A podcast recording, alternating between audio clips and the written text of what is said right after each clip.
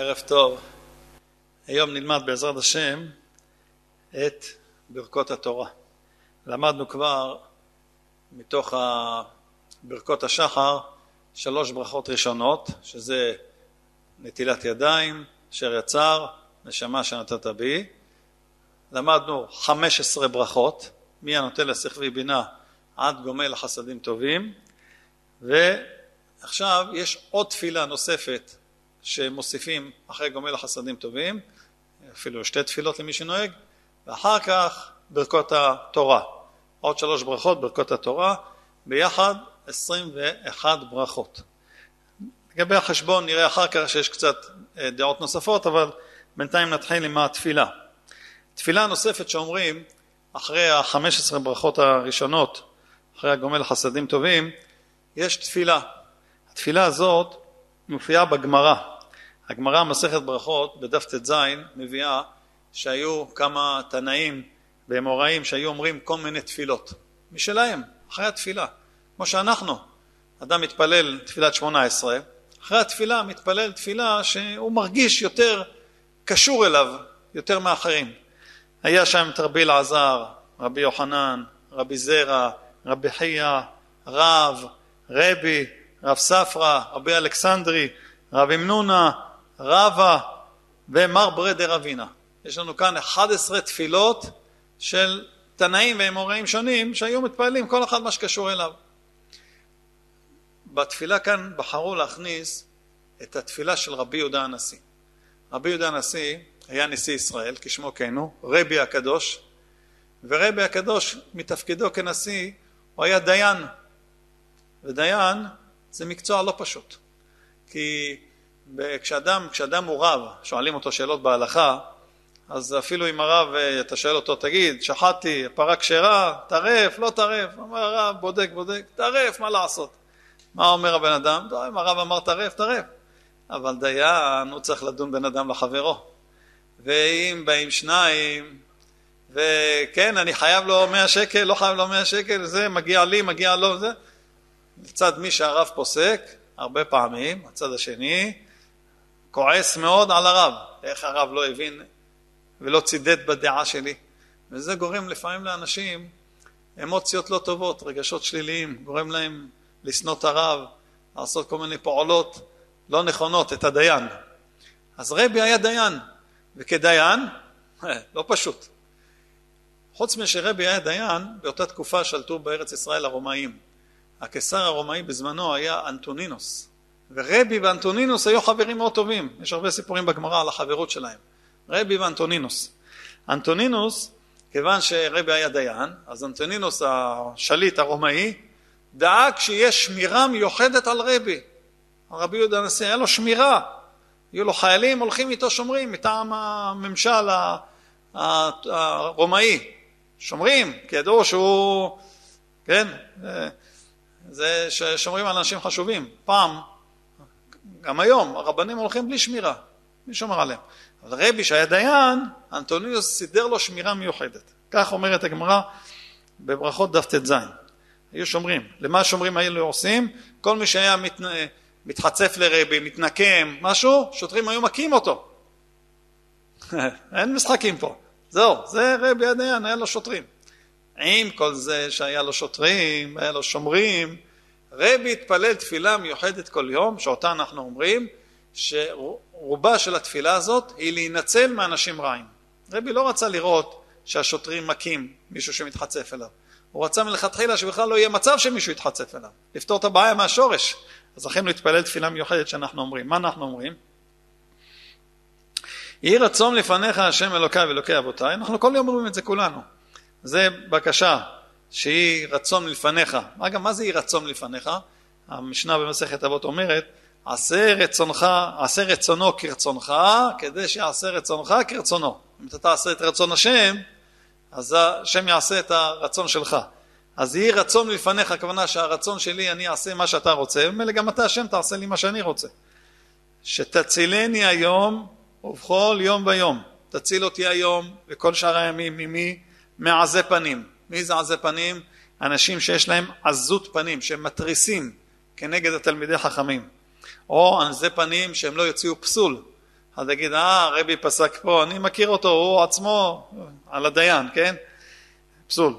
הוא מעזות פנים. מה זה מעזות פנים? נו, אמרנו, להינצל מעזי פנים. מה זה מעזות פנים?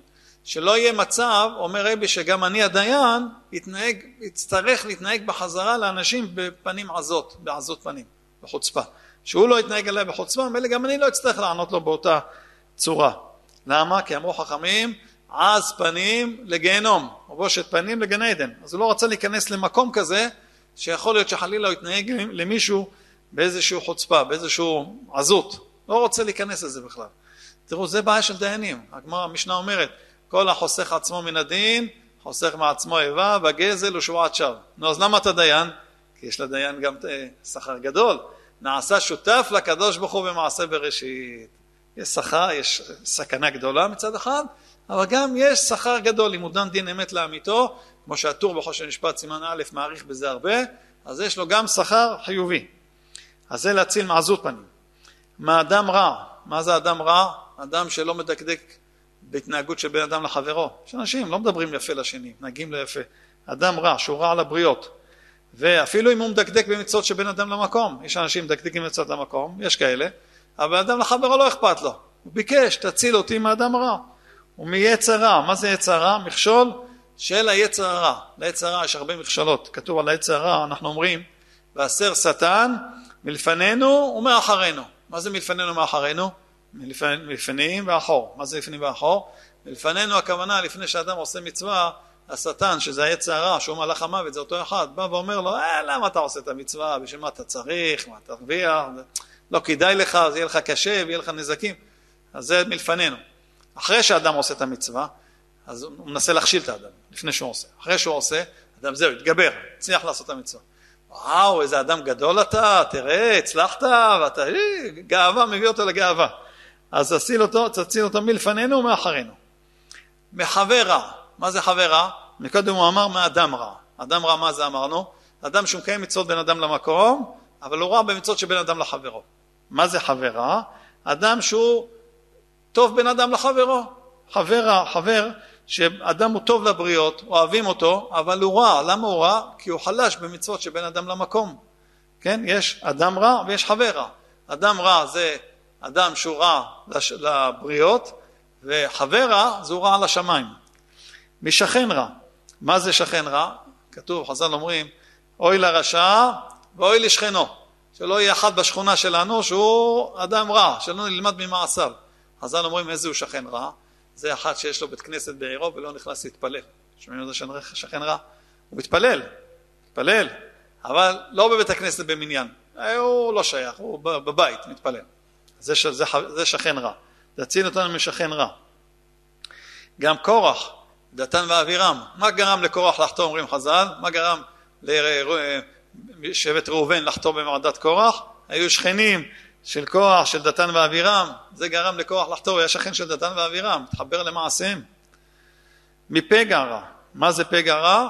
פגעים רעים, זה הקורות הזמן, תחבולותיו, דברים שקורים פתאום, כל מיני דברים שקורים כל יום ויום, כמו שכתוב, אל תתהלל ביום מחר, כי לא תדע מה ילד יום. כל יום אתם רואים מתעוררים יצרים חדשים. אדם חושב, התגברתי, עשיתי, הצלחתי, פתאום בא איזה משהו חדש, הוא לא חשב, זה לא התכוננתי. מהעין הרע. העין הרע, מה זה עין הרע? כולם יודעים מה זה עין הרע.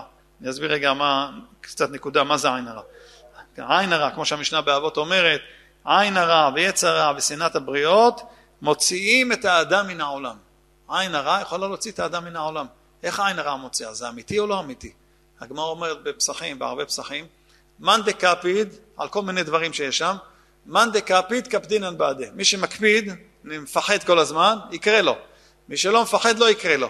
לא מוזכר שם עין הרע. עין הרע זה דבר קיים.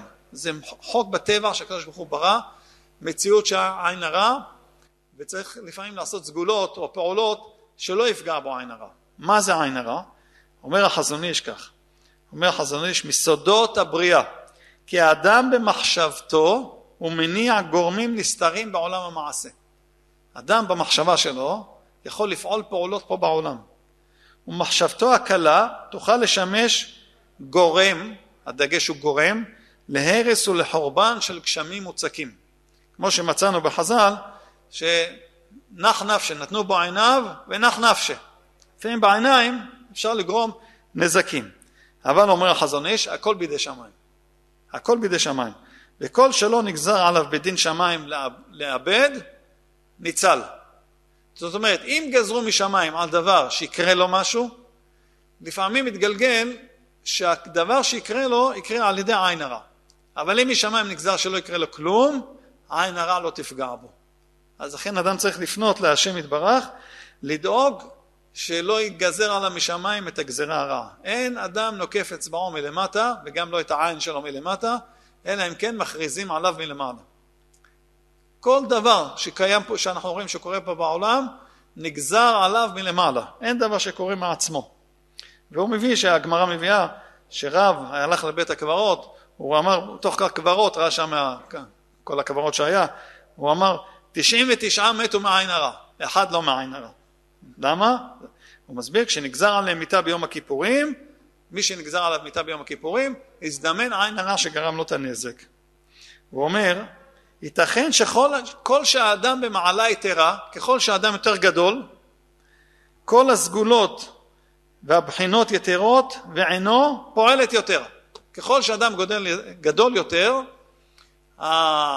פעולת העין שלו יכולה להיות יותר חזקה מאדם קטן יותר. וזה מה שאמרו חז"ל, יבו ברבנן עיניו. ויש עוד דוגמאות לזה. יש דברים שצריך להיזהר בהם בדרך הטבע, אבל לדעת שלפעמים אם נגזר משהו, גם בדרך הטבע לא יעזור. למה? כי נגזר. איך יבוא הנזק? הקדוש ברוך הוא ימצא את הדרכים. אחת הדרכים היא על ידי מישהו שבא ועושה עין הרע. אז רבי אמר, אני לא אולי חייב כלפי שמיים, אני מפחד שלא יהיה עין הרע, חשש, שלא יהיה אדם שיעשה לי עין הרע, כי אם יעשה עין הרע, לך תדע, אולי זה יתפוס אותי בדיוק בדבר שקשה. מדין קשה, מבעל דין קשה. רבי יהודה נשיא הדיין ביקש שלא יהיה לו דין קשה, שיבוא לבית הדין רק דינים קלים. יש דינים, אתה בא, דברים קלים. מה, זה ככה, זה ככה, טוב, אתה מוכן לוותר פה, מוכן לוותר פה, אה, ברכה והצלחה.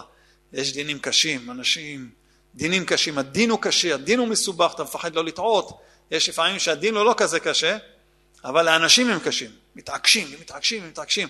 רבותיי, אני דיין, ברוך השם, כבר כמה עשרות שנים, לא פשוט. לא פשוט בכלל, לא פשוט. דין קשה ובעל דין קשה.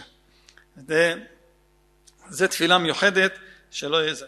ואז הוא מוסיף בין שהוא בן ברית ובין שאינו בן ברית. לא רק אם זה גוי, אינו בן ברית זה מובן, אפילו בן ברית שלא יהיה. כל שכן שלא יהיה בן ברית. אם זה יהיה לא בן ברית, כוונה לא יהודי, בן ברית זה יהודי. לא בן ברית, הוא לא בן בריתו של אברהם אבינו, אם הוא יהיה קשה ודין קשה, יהיה עוד יותר גרוע. כי עלולים חלילה, המידות שלהם רעות. אומות העולם יש להם מידות רעות באופן כללי, לא נכנסים פרטים לכל אדם. גם כל אדם, לך תדע איפה, באיזה מצב אתה מוצא אותו. אבל באופן כללי, אומות העולם יש להם מידות רעות. הם לא מתחנכים. איך אמרנו פעם, אחד שאל, אחד שאל איך הוא מתנהג כך וכך? תגידו, הוא למד מסילת ישרים? הוא למד אורחות צדיקים? מה אתה מתפלא איך הוא מתנהג כך וכך? הוא לא למד מוסר. כל שכן גוי שלא למד מסילת ישרים, כן? הגוי לא, לא, לא לומדים אורחות צדיקים, הם לומדים רק פסיכולוגיה.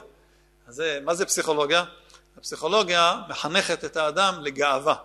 תהיה עצמאי, תהיה בעל ביטחון עצמי, לא ביטחון בהשם, ביטחון עצמי, תהיה חזק, תראה לכולם, שווה, כן, כן, עד שהקדוש ברוך הוא מראה לו יום אחד כמה הוא חלש.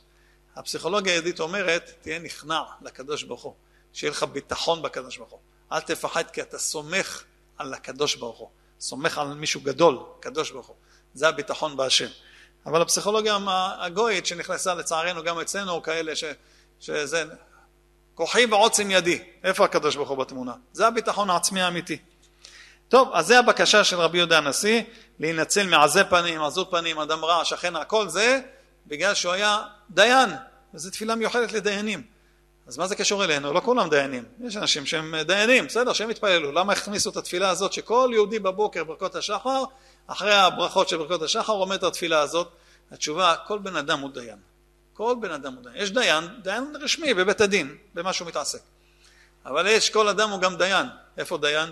פתאום בין השכנים יש איזה מריבה, באים אומרים לך, תשמע, היה ככה, בעבודה, בפה ושם, כל מיני מקרים, אתה צריך להחליט החלטות בין זה לבין זה, או לפחות עצות בין זה לבין זה. אז גם בזה תבקש של להינצל מעזי פנים, מעזות פנים, מאנשים רעים, מדין קשה, מבעל דין קשה. החלטות שתגיד להם, העצות שתגיד להם, הכל יעבור בנחת, בשלווה, ויהיה טוב לכולם. זה הבקשה אחת. בקשה הבאה שמודפס בהרבה סידורים, בא מהבן איש חי, וכן יהי רצון מפניך השם אלוקיי ואלוקי אבותיי, שתצילני היום ובכל יום ויום ממלשינות, לא להיות מלשין. מה זה מלשין? זה מוסר, אחד שמוסר לאומות, אחד שהולך להלשין, הולך לא על פי דין תורה, מלשין על השכן שלו, מלשין על אה, אחד שעשה כך וכך דברים כאלה, למקומות שאסור על פי דין תורה ללכת אליהם, כולם מבינים מה אני מתכוון, זה נקרא מוסר, זה נקרא מסירה, זה מלשין. כל שכן אם הוא מלשין על, על יהודי לגוי, יש לו, יש בעבודה יש יהודי וגוי, יש ביניהם ויכוח, אז הוא אומר לגוי, אל תתרגש, הוא ככה וככה, והוא... מה אתה מספר לגוי דברים כאלה, זה גוי. אנחנו עם ישראל צריכים לאהוב אחד את השני, לא להכניס את הגויים בבעיות שלנו. מעדות שקר, מה זה עדות שקר? ברור, עדות שקר. לפעמים הוא, כן, אתה ראית את התאונה? כן, איך היה כך וכך. למה אתה אומר ככה? אולי זה לא היה בדיוק היה ככה. אה, האמת היא שאתה צודק. אה, לא שמתי לב שהיה פה והיה שם. עדות שקר, לא להגיד דברים לא נכונים, שנוציא מהפה דברים אמיתיים ונכונים. משנאת הבריות, לא להגיע חס ושלום לשנוא יהודים מישראל, שלא נגיע למצב הזה ששונאים יהודים מישראל, אפילו אם מותר לשנוא יהודים מישראל. לא לחפש איך לשנוא, לא צריך לחפש את מי לשנוא, אין צורך. לחפש את מי לאהוב. לא מתים, אה, איך אומרים, לא מתים מאהבת חינם. משנאת חינם אפשר לעמוד, מאהבת חינם לא מתים. יותר טוב, עדיף להיכשל באהבת חינם מאשר בשנאת חינם. זאת אומרת, שלא לשנוא בחינם, אלא לאהוב בחינם. ממיתה משונה, איי איי איי מיתה משונה, אנשים שלפעמים נפטרים בצורות משונות, כמו שראינו עכשיו באסון של שמחת תורה, איי איי איזה מיתות משונות, או כל מיני אסונות שהיה בעם ישראל, שאדם יגיע אריכות ימים וימות על מיתתו בשלום. מיתה משונה, מחולאים רעים, כל חולי הוא רע. מה זה חולאים רעים? כל חולי הוא רע. אבל יש חולאים שהם רעים, הם ממש איסורים קשים לאדם, קשה לו להתמודד איתם, קשה לו להתמודד עם החולאים האלה. יש חולי, בסדר, אז הם ממשיכים, לא שמים לב. אחד הלך, זה כאב לו טיפה הרגל, אמרו לו מה קרה, מה, מה קרה לרגל? אמר להם, עד עכשיו 100% היה בסדר, עכשיו 99% מהגוף בסדר, יש אחוז אחד יש בעיה, בסדר, נפתור אותו. אבל יש חולאים רעים, שזה משבית את האדם, שוכב בית חולים, איסורים קשים ומרים. הגמרא אומרת על חולאים שנקראים חולאים רעים ונאמנים. פעם שאל מין אחד את רבי עקיבא, אמר לו, תגיד, אתה אומר שיש לאדם חולי, הולך בית הכנסת, מתפלל להשם, לוקח את החולי? יש גם אחד שיש לו חולי, הולך לבית תפלתם, לבית עבודה זרה, מתפלל, יוצא ונהיה בריא. נו, אתה רואה, לא רק בית כנסת, גם בית, בית עבודה זרה. אמר לו, על זה נאמר שהחולאים הם רעים ונאמנים. רעים בפעולה שלהם ונאמנים, בשל... רעים בשליחותם ונאמנים. מה הם נאמנים? שהגיע הזמן לצאת הם יוצאים. הם לא יוצאים בגלל התפילה שלו. הם לא יוצאים בגלל התפילה. צריך לדעת, הוא נתן לאדם בחירה. אם אדם יחשוב שמי שהולך לבית הכנסת ומתפלל מאה אחוז הוא יהיה בריא, ומי שלא הולך להתפלל לא יהיה בריא, מי שיגיד תהילים יצליח, מי שלא יגיד תהילים לא יצליח, ואנחנו נראה שזה ככה, אין בחירה. כדי שיהיה בחירה, מוכרח שאנחנו לא נראה את זה בעיניים. צריך להבין את זה. אף פעם הקדוש ברוך הוא לא עושה מצב ששולל מהאדם את הבחירה. תמיד יש בחירה, לראות בין טוב לרע. שניים נסעו ברכב, תאונה, האוטו התגלגל, יצאו שניהם. נערות הבגדים יצאו בריאים ושלמים. אחד אומר, וואו, תראה מה זה, נס משמיים. בא בוחן תנועה, אומר לו, תגיד, שמע, נס משמיים. בא, שיוצא השני מהאוטו איתו ואומר, וואו, תראה מה זה, בדיוק הגלגל, היה חסר קצת אוויר, בשביל זה הוא לא התגלגל בצורה כזאת, ומוצא סיבות טבעיות כדי להסביר את הנס. הקדוש ברוך הוא לא מונע את הבחירה מהאדם. לכן, לחפש ניסים, לפעמים אנשים אומרים, אם הקדוש ברוך הוא יראה לי נס, מאה אחוז אני חוזר בתשובה. אז שתשובה, הקדוש ברוך הוא לא יראה לך נס, בדרך כלל. למה לא יראה נס? בגלל שאז ישלול את הבחירה. הבית הלוי שואל, כתוב רבי חנינא בן דוסה, הניסים הנפלאים שהיה לו בגמרא. ניסים נפלאים. איזה ניסים היה שם? כתוב שהבת שלו שמה חומץ במקום שמן. אז הוא אמר, מי שאמר לה אה, שמן וידלק, היא אמר לה חומץ וידלק. אה, היה שם, אה, אשתו נכנסה, עשתה את עצמה רודת החלות, הייתה ענייה. באו השכנות לצחוק עליה, אמרו לה, אה, את זה, יש, ירדות החלות. אמרה לה, כן, אני בדיוק עכשיו צריכה להוציא את החלות. פתאום מוציא חלות של נס. לא היה חלות, נהיה נס, נהיה חלות. אומר, יש עוד מעשים מדהימים בגמרא. הרבה הרבה מעשים אצל אבותינו שהיו מעשי ניסים. שואל הבית הלוי, למה היום אין לנו את הניסים האלה? אה רבותיי, השאלה שמציקה להרבה אנשים. מה הקדוש ברוך הוא לא יכול לעשות קריעת ים סוף היום? הוא לא יכול, הוא יכול, נעשה קריעת ים סוף. מה, הוא לא יכול לקחת עכשיו את השונאים של ישראל, לשים להם שם איזה חומר שכולם ימותו בלילה, גמרנו, בבוקר אין אף אחד חי, הקדוש ברוך הוא יכול לעשות הכל. אז למה אין את הניסים האלה? אין את הניסים, הוא אומר, כי אצלהם הניסים לא שללו את הבחירה. אצלנו הניסים ישללו את הבחירה. שומעים? אצלהם, אצל רבי חנינא בן דוסה, בגודל קדושתם, זה שראה נס, זה דבר קטן אצלו. אחרי שאדם רואה נס הוא מתרגל. אבל לכן זה לא שולל את הבחירה. אתן לכם דוגמה. יש אחד, חזר בתשובה, אתה שואל אותו, מה חזרת, מה קרה חזרת בתשובה? הוא אמר, אל תשאל, היה לי אה, אה, זה, שזה נקרא שהנשמה עולה, כן, אה, מוות קליני, כן, היה לי זה, מה ראית? ראיתי שזה, שאני מת, והנשמה עולה מעל הגופה, ואת הברגים, ספרתי את הברגים של החדר ניתוח, אפילו כאלה מתארים. והגעתי שם, והאור גדול, והקרובים הגיעו, ואחרי שכל זה ראיתי, חזרתי בתשובה שלמה. פעם ישב אצלי בשעור אחד, הוא אומר, כן, אני הייתי, ראיתי, היה לי מוות קליני. מה, תספר מה ראית? סיפר בדיוק את אותו סיפור. אז הוא אמר, אז למה לא, שאלתי אותו, אז למה לא חזרת בתשובה? ראית הכל. ראית הכל. מה, מה עוד אתה רוצה? הוא אמר, תשמע, תעזוב, התרגלנו. זאת אומרת, רואים כאן שהקדוש ברוך הוא לא שולל את הבחירה. גם אחד שראה מוות קליני, ראה דברים, מראות עליונים, נוראים, יכול להמשיך להישאר בשלו. הקדוש ברוך הוא לא שולל את הבחירה. אז אנחנו אומרים, מחולאים רעים. מה שרבי עקיבא אמר, חולאים רעים ונאמנים. למה נאמנים? לא שולל את הבחירה. ממקרים רעים, גם כן, ומדינה של גיהנום, שחס ושלום לא נגיע בסוף לדינה של גיהנום. ישר לגן עדן, כולם ישר למקום טוב. זה הבקשות שיש אחרי ברכות השחר. ואנחנו מתחילים עכשיו את ברכות התורה. ברכות התורה. אומר הטור בכל ברכות התורה, סימן מ"ו ומ"ז, סימן מ"ז הוא מדבר על זה באריכות. אומר כך, צריך להיזהר מאוד בברכות התורה. שומעים? יש לנו כבר 18 ברכות שברכנו, שלוש ברכות ראשונות, נטילת ידיים, שרי צר ונשמה שנתת בי, ועוד ה-15 ברכות של ברכות השחר, זה חלק אחד. עכשיו מגיע ברכות התורה, אומר הטור צריך להיזהר מאוד בברכות התורה. מה האזהרה הגדולה להיזהר מאוד בברכות התורה? אומר כתוב הנביא ירמיה, בירמיה פרק ט' פסוק י"א כתוב פסוק כך: מי האיש החכם ויבן את זאת? כי ואשר דיבר פי השם אליו ויגידה על מה עבדה הארץ? איזה תקופה הוא דיבר? חורבן בית המקדש הראשון. על מה עבדה הארץ? נצתה כמדבר מבלי עובר. אומרת הגמרא בנדרים פ"א במציע דבר זה נשאל לחכמים ולנביאים ולא פירשו. החכמים שאלו אותם על מה עבדה הארץ? רבותיי בית המקדש הראשון על מה נחרב? אנחנו יודעים כולם. גילוי עריות, שפיכות דמים ועבודה זרה לא על זה שואל ירמיה, זה ראו. מה משהו נסתר שגרם לדברים האלה? אז שאלו את החכמים, מה גרם שהגיעו לזה? לא ידעו לענות. שאלו את הנביאים, נביאים, מתנבאים, לא ידעו לענות. ולא פירשו, עד שפירשו הקדוש ברוך הוא בעצמו. בא הקדוש ברוך הוא אמר, אני אגיד לכם על מה. אתם שומעים? חכמים לא ידעו, נביאים לא ידעו, הקדוש ברוך הוא אמר, אני אגלה לכם את העומק של הסוד, מה קרה שחרבה הארץ. למה?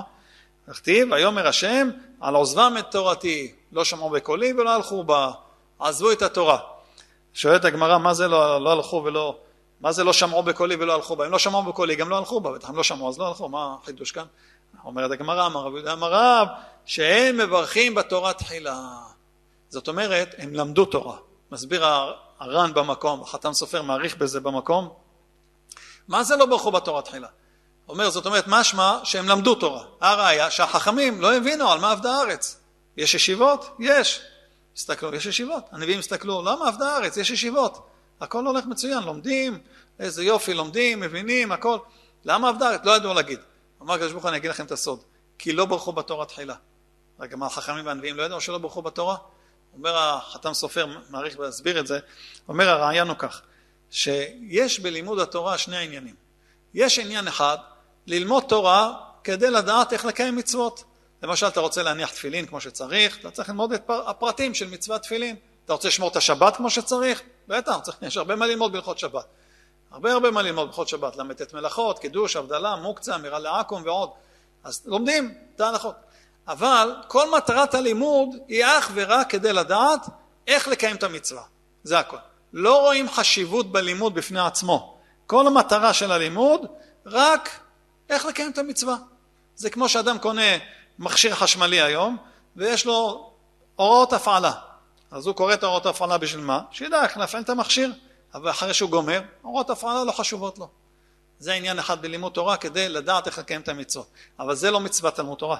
מצוות תלמוד תורה זה ללמוד תורה כדי ללמוד את התורה, לקיים מצוות לימוד התורה, בלי קשר לאיך לקיים את ההלכה. אתה יכול גם ללמוד הלכות בשביל לדעת גם לקיים את ההלכה וגם, אבל המצווה היא עצם לימוד התורה, כדי להבין בה, כמו שאומר הנפש החיים, להבין, להעמיק, לפלפל, להידבק בקדוש ברוך הוא, להבין את חוכמת השם יתברך, להבין את התורה. ממילא הנפקא מינה בין שני הצדדים, שתי הצדדים האלה, אדם שלומד תורה כדי לדעת איך לקיים מצוות, וזה כל המטרה שלו, הוא לא צריך לברך על מצוות תלמוד תורה. לא צריך, לא ברכו בתורה תחילה, אין צורך לברך. למה לא צריך לברך? כי המטרה זה לא הלימוד, אלא מה המטרה? קיום המצווה. לא צריך לברך על הלימוד. אבל אם הוא לומד כדי לקיים מצוות תלמוד תורה, יש מצווה לברך על לימוד התורה. זו הברכה הראשונה, אשר קידשנו במצוותיו וציוונו על דברי תורה. עצם הלימוד, על זה הברכה. גם כתוב שתורה מגינה, מגנה ומצלה. מצווה, כשאדם מקיים מצווה, בעידנא דעסיק ב, בזמן שהוא עוסק במצווה, מצווה מגינה. שלא עוסק במצווה, מצווה לא מגינה. תורה, בזמן. היא מגינה תמיד. תורה מגנה ומצלה תמיד. מה ההבדל? ההבדל הוא, למשל אדם לוקח אה, לולב, נהנה בלולב, קיים מצווה, קיים. גמר לקיים, זהו, עכשיו אין מצווה. מילא, היא לא מגינה, היא מגינה בזמן שהוא מקיים, לא בזמן שהוא לא מקיים. אבל תורה, לימוד תורה זה כל הזמן. כל היום אנחנו מחויבים בלימוד תורה. ממילא תמיד היא מגינה. אז אם אצלהם לימוד התורה היה רק בשביל איך לקיים את המצוות, ממילא גם כשלמדו תורה זה לא, זה לא הגן. למה? כי זה לא היה מטרה התורה. מה היה המטרה? המטרה היה המצוות, לא התורה. לכן היא לא הגינה, לא הגנה, ולכן החרבה הארץ, בגלל שהם לא למדו תורה כדי ללמוד תורה, הם למדו תורה כדי לקיים מצווה. אחד אומר לך צריך ללמוד רק הלכות, שתדע איך להתנהג. זה נכון שצריך ללמוד הלכות, אבל לא צריך ללמוד רק הלכות. צריך ללמוד גם גמרות, ללמוד גמרא, מדרש, להתפלפל, להבין, להעמיק את יסודות המצווה, כי זה מה שהשם רוצה, שנלמד את המצווה. גם צריך ללמוד הלכות כדי לדעת לא להיכשל בחטא, בוודאי, אבל גם ללמוד לפלפל ולהעמיק בתורה כדי שנוכל להבין אותה, נוכל להבין כדי לקיים את מצוות תלמוד תורה, לא איך לקיים את המצווה. גם קודשים, סדר קודשים, אין היום בעמותינו הרבים עדיין בית המקדש. תלמד סדר קודשים, גם טהרות, מה טהרות? אין עדיין. מה? לא בשביל לדעת מה יהיה. אני רוצה לומד בשביל להיות רב מתי שיבנו את בית המקדש, אל תדאג, לא ישאלו אותך. פעם מתקשר אליי אחד, אמר לי, תגיד, הרב סרי, אתה מבין בהלכה? אמרתי לו, פחות או יותר, נראה מה תשאל. אמר לי, יש לי שאלה בהלכה לשאול. אמרתי, בבקשה, תשאל. הוא אומר, תגיד, הכהן, כשהיה מוריד את הדשן מהמזבח, ושם ליד הזה, אמרתי לו, אה, עצור, עצור. איך הגעת לזה, תגיד לי? בית המקדש נבנה ולא הודיעו לי? אמר לי, לא, זו שאלה שיבנה בית המקדש. אמרתי, תקשיב, אני לא יודע לענות החוק, שיבנה בית המקדש. בסדר, לא זכיתי בעונותיי הרבים. נזכה בעזרת השם, ללמוד, ללמד, לשמור ולעשות ולקיים. תגידו אמן בגרכם למר, גם לכם. כולם ילמדו, ללמוד, ללמד, לשמור ולעשות ולקיים, ללמוד. אבל לימוד הלכות, נכון, יש לימוד, צריך לדעת איך קיים מצוות, אבל צריך גם ללמוד לשם מצוות תלמוד תורה. ולכן אומר המשנה ברורה, בעקבות דברי הטור, צריך להיזהר מאוד בברכת התורה, אומר הטור, ויברך אותה בשמחה גדולה. שומעים רבותיי? לרקוד, לשמוח. מה הברכה הראשונה? אשר קדשנו מצוותיו וציוונו על דברי תורה, לשמוח, אשר בחר בנו מכל העמים, וערב נא באמצע, זה לשמוח בלימוד התורה. קצת הלכות שקשורות למצוות תלמוד תורה. הגמרא בברכות בדף כ"א אומרת כך: אמר רב יהודה, מניין לברכת המזון לאחריה מהתורה? מאיפה יודעים שברכת המזון אחרי שאוכלים זה מהתורה? שנאמר, ואכלת ושבעת וברכת. טוב, ברכת התורה לפניה מאיפה יודעים שזה מהתורה? מאיפה יודעים שיש מצווה לברך לפני לימוד תורה? שנאמר, כשם השם יקרא אבו גודל אלוהינו. כתוב שם השם יקרא אבו גודל, שבח את השם יתברך. הראשונים נחלקו, האם ברכות התורה זה מהתורה או מדי רבנן? בגמרא משמע שזה מהתורה, אבל יש ראשונים, ככה משמע מהרמב"ם והשולחן ערוך, שברכות התורה הם מדי רבנן. חכמים תיקנו לברך ברכות התורה ולא מהתורה. הרמב"ן סובר שלא, שברכת תלמוד, ברכה על לימוד תורה זה מהתורה. בפרט הנודע בידה אומר הברכה השלישית, ברכת אשר בחר בנו מכל העמים ונתן לנו את תורתו, זה ברכה מהתורה. למעשה אנחנו פוסקים שברכת התורה היא מדי רבנן, אבל חוששים לדעה שזה מהתורה, ולכן אם אדם יש לו ספק אם ברך ברכות התורה או לא ברך, יש לו ספק, הוא לא יודע, מה יעשה? לא יכול לחזור ולברך. למה לא יברך? כי זה מדי רבנן, ספק מדי רבנן לכולה, לא חוזר. אבל אם הוא יכול לשמוע ממישהו שיוציא אותו ידי חובה, זה מצוין. או שאם הוא הולך להתפלל, אז שיתכוון בתפילה באהבת העולם, שחרית, בערבית, יתכוון לצאת ידי חובת ברכות התורה, ומיד אחרי התפילה שישב וילמד קצת משהו בתורה. לפני לימוד תורה, אומר השולחן ערוך, בבוקר אתה קם, רוצה ללמוד, אסור ל- ללמוד בלי ברכה. צריך לברך ברכות התורה.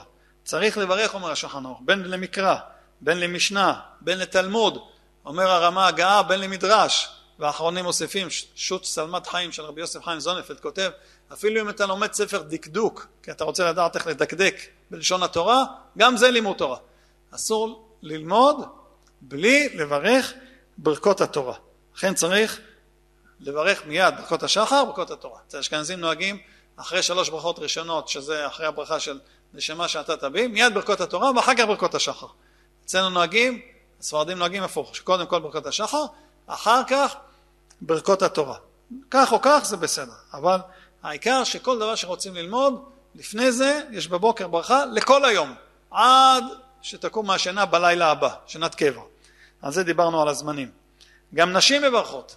נשים צריכות לברך ברכות התורה. הן לא חייבות בלימוד תורה, לא חייבות. אף שהן לא חייבות, הן צריכות ללמוד את ההלכות, שידעו איך לקיים את המצוות, וגם הן צריכות ללמוד מוסר מהתורה. צריכות ללמוד אברהם, יצחק, יעקב, ללמוד מוסר. גם הם. לכן, גם הם מברכות ברכות התורה.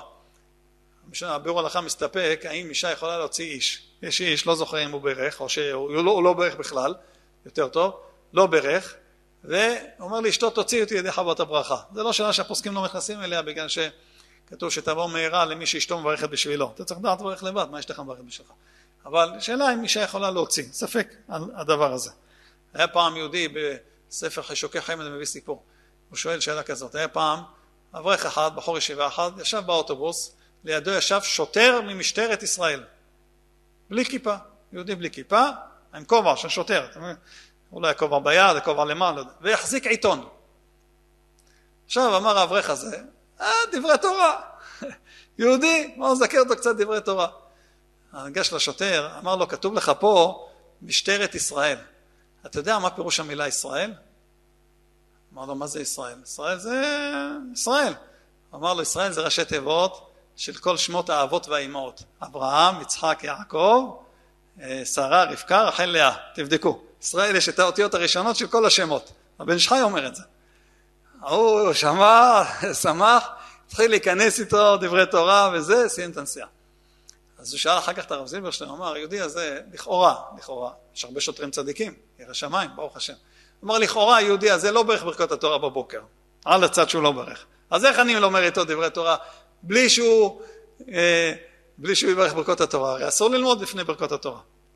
אז הוא אומר שהוא שאל את הרב אלישיב, הרב אלישיב אמר, מסתור מהשוטר לא התכוון ל, ל, לדברי תורה, התכוון לשמוע דברי חוכמה, הוא לא התכוון לתורה, אם הוא לא שומע, אם הוא רחוק. אם הוא לא ברך, אם הוא ברך, בטח הוא התכוון לתורה, שוטר דתי, אבל אם הוא לא דתי, הוא לא ברך, סתום הוא התכוון לחוכמה, אז אם התכוון לחוכמה, אז אין בזה איסור, ככה הוא אמר. סופו של מעשה היה שבסוף הנסיעה השוטר לפני זה קרא עיתון, בא לקרוא עיתון, הוא הפריע לו, אמר לו ישראל, סוף הנסיעה השוטר קיפל את העיתון, אמר לו תדע לך הדברים שאמרת יותר מעניינים מהשטויות שכתוב בנייר הזה, אתם מבינים? מהחדשות הישנות שכתוב שם מה שכתוב שם אתה קורא מה שהיה לפני כמה ימים, מעודכן אה, אחרי הזמן. אז זה, זה והפרשנות שיש שם, אה, באמת עכשיו המלחמה שיש לנו עכשיו הראתה כמה אנשים שמחוברים לחדשות אונליין יותר מדי, כמה הם סובלים, ממש סובלים, רואים דברים נוראים, במתח כל הזמן, בחרדות וזה. לעולם תהיה דעתו של אדם מעורבת עם הבריות, צריך קצת לדעת מה שקורה, בטח צריך לדעת, אבל לא כל הזמן, וכל הזמן להתעדכן, כל הזמן להתעדכן, זה טירוף, היום זה נהיה ממש כל שנייה, אלה שיש להם את המכשירים, כל שנייה, כל שנייה מתעדכנים. אני מבטיח לכם שמי שיש לו מכשיר כשר, ידע מביאת המשיח לפני אלה עם המכשירים הפסולים. למה? כי המכשירים הפסולים לא ידעו על זה. אין, לא ידעו, רק במכשירים הכשרים, המאושרים יודעו, כנראה. טוב, בכל אופן, אז, אה, אז אה, זה ה... לימוד תורה, צריך, זה, הברכות זה בשביל לימוד התורה. אם אדם רוצה להגיד פסוקים לא בדרך לימוד תורה, בדרך תחנונים, אומר השולחן ערוך בסימן מ"ו סעיף ט', סוף סימן קודם, לא יקרא פסוקים קודם ברכת התורה, אפילו שהוא אומר אותם דרך תחנונים. אתם יודעים, אחד הדברים המעניינים, יש הלכה שכל עם ישראל יודעת אותה. זה הלכה, כל האנשים שמתקרבים, מתחזקים, חרדים, דתיים, הלכה מאוד מאוד מאוד מפורסמת שקיבלה פרסום ממש מבהיל הפרסום שההלכה הזאת קיבלה. מה ההלכה? איזה הלכה? שאסור להגיד תהילים בלילה. אנשים, יש להם לפעמים, לא לומדים, לא עוסקים בתורה, לא כלום. תגיד, אני רוצה ללכת לשיעור בלילה בתנ"ך, או לקרוא תהילים. מותר לקרוא תהילים בלילה? מה המקור שאסור לקרוא תהילים בלילה? תגיד רבותיי, מה המקור? מאיפה זה בא? זה קבלה. מה, הכל אתה עושה לפי הקבלה? זה בדיוק מה שנתפס, זה בדיוק מה שהתפרסם כל כך, אני ממש נדהם איך ההלכה הזאת התפרסמה. זה רצת היצר לפרסם דבר כזה. נכון שאם יש לאדם יכולת ללמוד ניגלה, זאת אומרת ללמוד גמרא, ללמוד אפילו ולא מקרא, אז כן, יש בזה עניין על פי קבלה, כי מקרא לילה זה דין, מקרא זה רחמים, יש בזה עניין על פי קבלה וזה חשוב מאוד. אבל יש אדם שאם הוא לא יקרא תהילים, מה הוא יעשה אותו זמן? יבזבז את הזמן. תקרא תהילים, לזה הקבלה לא התכוונה. הקבלה התכוונה, מה הקבלה התכוונה? רק אם יש לך אפשרות משהו אחר. אתה הולך ללמוד גמרא, אז אל תקרא עכשיו מקרא, תלמד גמרא. אבל אם אתה תתבטל, או לשבת לבזבז את הזמן מול המדיה, או כל מיני דברים למיניהם, בטח שתקרא תהילים. ואם אתה חושש לזה, אז יש עוד עצה. תקרא תהילים בדרך תחנונים. אומר החידה, לקרוא תהילים, להתפלל על החולה, כמו שעכשיו אחרי תפילת הערבית, בערב, אחרי תפילת הערבית, אומרים תהילים להצלחת עם ישראל, אזרחים, חיילים, כל מי שנמצא בצרה ובצוקה, אומרים שיר, המעל, שיר המעלות ממעמקים, שיר למעלות אשא עיניי, שאומרים יושב בסתר, תהילים, זה תפילה, בדרך תפילה אומר החידה, על זה הקבלה לא דיברה, הקבלה דיברה רק אחת בדרך לימוד, לא ללמוד, וזה רק קבלה, צריך לזכור, זה רק קבלה. אמרתי פעם לאחד, עליי ועל צווארי, תלמד מקרא ואל תצפה במכשיר, בטלוויזיה. שב תלמד, עליי, אני לוקח את החטא עליי. ברוך השם לא לקחתי, כי הוא לא עשה לא זה ולא זה. אבל תשב תלמד, רק בדרך להלצה. שב תקרא מקרא בלילה זה בסדר, תקרא תהילים בלילה, תקרא תנ"ך בלילה, הכל בסדר, רק אל תתבטל ואל תצפה, אל תצפה במכשירים האלה ותבזבז את הזמן. שוב, אז אני מדגיש, ההלכה הזאת לא הלכה, זה גם לא הלכה, זה קבלה. זה נאמר למי שיש עדיפות מה ללמוד, בסדר? אתם לא יודעים כמה פעמים אני מקבל את השאלה, את השאלה הזאת, זה מדהים, אני אפילו לא מבין איך, איך זה התפרסם כל כך. מקבל את השאלה הזאת מאנשים שבקושי פותחים ספר, פתאום יש את השאלה אם לקרוא מקרא בלילה. מה תעשה אם לא? טוב, אז אומר השולחן ערוך לא יקרא פסוקים קודם ברכת התורה, אף על פי שאומרם דרך תחנונים. ויש אומרים שאין לחוש. שאומרים לא, מותר לקרוא פסוקים דרך תחנונים בלי ברכות התורה. להלכה כסברה ראשונה, שגם לפסוקים, אדם קם רוצה להתפלל, להגיד תהילים בבוקר, קם מוקדם, ברכות השחר, ורוצה אחרי ברכות השחר להגיד תהילים לתפילה על משהו, קודם כל ברכות התורה. גם ככה אומרים ברכות התורה, לכן זה מודפס בסידור מיד אחרי ברכות השחר. אבל נגיד הוא אומר, אני אלך לסליחות, אחרי זה אני אגיד אה, ברכות התורה. לא, תגיד קודם כל ברכות התורה, כי גם פסוקים בדרך תחנונים זה גם לימוד תורה. יש אומרים שלא, שאם זה בדרך תחנונים זה לא לימוד תורה. מה המקור? הגמרא אומרת במסכת מגילה, מבטלים תלמוד תורה למקרא מגילה. מגיע עכשיו פורים, יש מצווה לקרוא מגילה. הוא עכשיו יושב לומד, לומד גמרא, מבטלים תלמוד תורה למקרא מגילה. מה זה מבטלים תלמוד תורה למקרא מגילה? גם מקרא מגילה זה תלמוד תורה. אלא שאנחנו קוראים מגילה בפורים, אנחנו בדרך כלל לא מתכוונים, באוטומט, אנחנו לא מתכוונים ללימוד תורה. מה אנחנו מתכוונים? מתכוונים לצאת ידי חובת מגילה. סיפור המגילה, מה שציוו אותנו לקרוא את הסיפור ולהתקדם. אז לכן בתלים תלמוד תורה למקרא מגילה כשאתה לא מתכוון ללימוד תורה. אבל אם אתה מתכוון במקרא מגילה ל... ללימוד תורה, זה לא נקרא מבטלים תלמוד תורה. זה עברת מהתלמוד תורה, זה רק תלמוד תורה אולי באיכות אולי, אבל לא יותר מזה. למעשה המנהג להחמיר, שמה? שלא אומרים פסוקים לפני ברכות התורה. תארו לעצמכם, אחד בא לבית הכנסת, בא, נכנס, יש כמה מניינים, הוא נכנס לזה בכנסת, יש איזה מניין, מתפלל באמצע התפילה, והוא עכשיו רוצה להתחיל להגיד ברכות השער, מתחיל ברכות השם, זה, זה. עוד לא הספיק להגיד אה, ברכות התורה, ומה קרה? הוא שומע בציבור שאומרים קדושה, קדיש, ברחו, צריך לענות. כי זה סומכים על הדעה שאומרת שמותר להגיד, לענות לפני ברכות התורה. זה נקרא מצווה עוברת. עכשיו יש לו הזדמנות לענות על קדיש, חמש המינים ראשונים, קדושה, קדוש וברוך, ברכו, אה, כל דבר שהוא נחשב דברים שבקדושה, אפילו שמע ישראל. אדם נכנס לבית הכנסת, שומע ציבור אומרים שמע ישראל. תגיד יחד איתם שמע ישראל. או המשנה ברורה אומר, דעת המשנה ברורה, אדם נכנס, שומע אנשים אומרים עלינו שבח. תגיד עלינו שבח. זו הודעה מיוחדת, בתפילה מיוחדת. טוב, אבל שמע ישראל או י"ג מידות או קדיש, ברוך כן צריך לענות יחד איתם. כמובן, לדבר בדברי תורה אסור בלי ברכות התורה. לדבר בדברי תורה אסור. אחד, הוא עוד לא הספיק להגיד ברכות התורה, טלפון מצלצל, רואה 18 שיחות שלא נענו. מה קרה? קרה משהו? כן, רציתי לשאול אותך שאלה. רגע, עוד לא בירכתי ברכות התורה. תן לי רגע, אני... דחוף דחוף השאלה. אשתו בחדר לידה, יש שאלה עכשיו רצינית, שאלה הלכתית, או איזה חולה שמה, שאלה הלכתית רצינית. מותר, אז אסור לענות לפני ברכה, אם זה פיקוח נפש, אם זו שאלה רפואית, תענה מיד כדי שלא יהיה, לא יהיה חלילה זה עיכוב. אבל אם זו שאלה שסובלת יכולת, תגיד לו שאלה טובה שאלת, תחכה עוד כמה דקות, אני אגמור ברכות התורה ונענה לך על השאלות. אחד שלומד ולא מבין מה שהוא לומד, האם צריך לקיים מצוות תלמוד תורה? אז יש בזה מחלוקת גם כן. כי תדעו לכם, נגלה, נגלה, לא קבלה, אדם צריך ללמוד ולהבין מה שהוא לומד. נכון שלפעמים אדם לומד, לא כל כך מבין, ממשיך, אחר כך חוזר, ואז הוא מבין יותר טוב. אבל לימוד התורה זה כשאתה מבין, זה לא גרסה ככה. קבלה או זוהר, גם אם אדם גורס בלי להבין, זה עושה תיקון לנפש. אם הוא מבין זה עוד יותר תיקון, עוד יותר טוב. אבל נגלה צריך להבין מה שלומדים.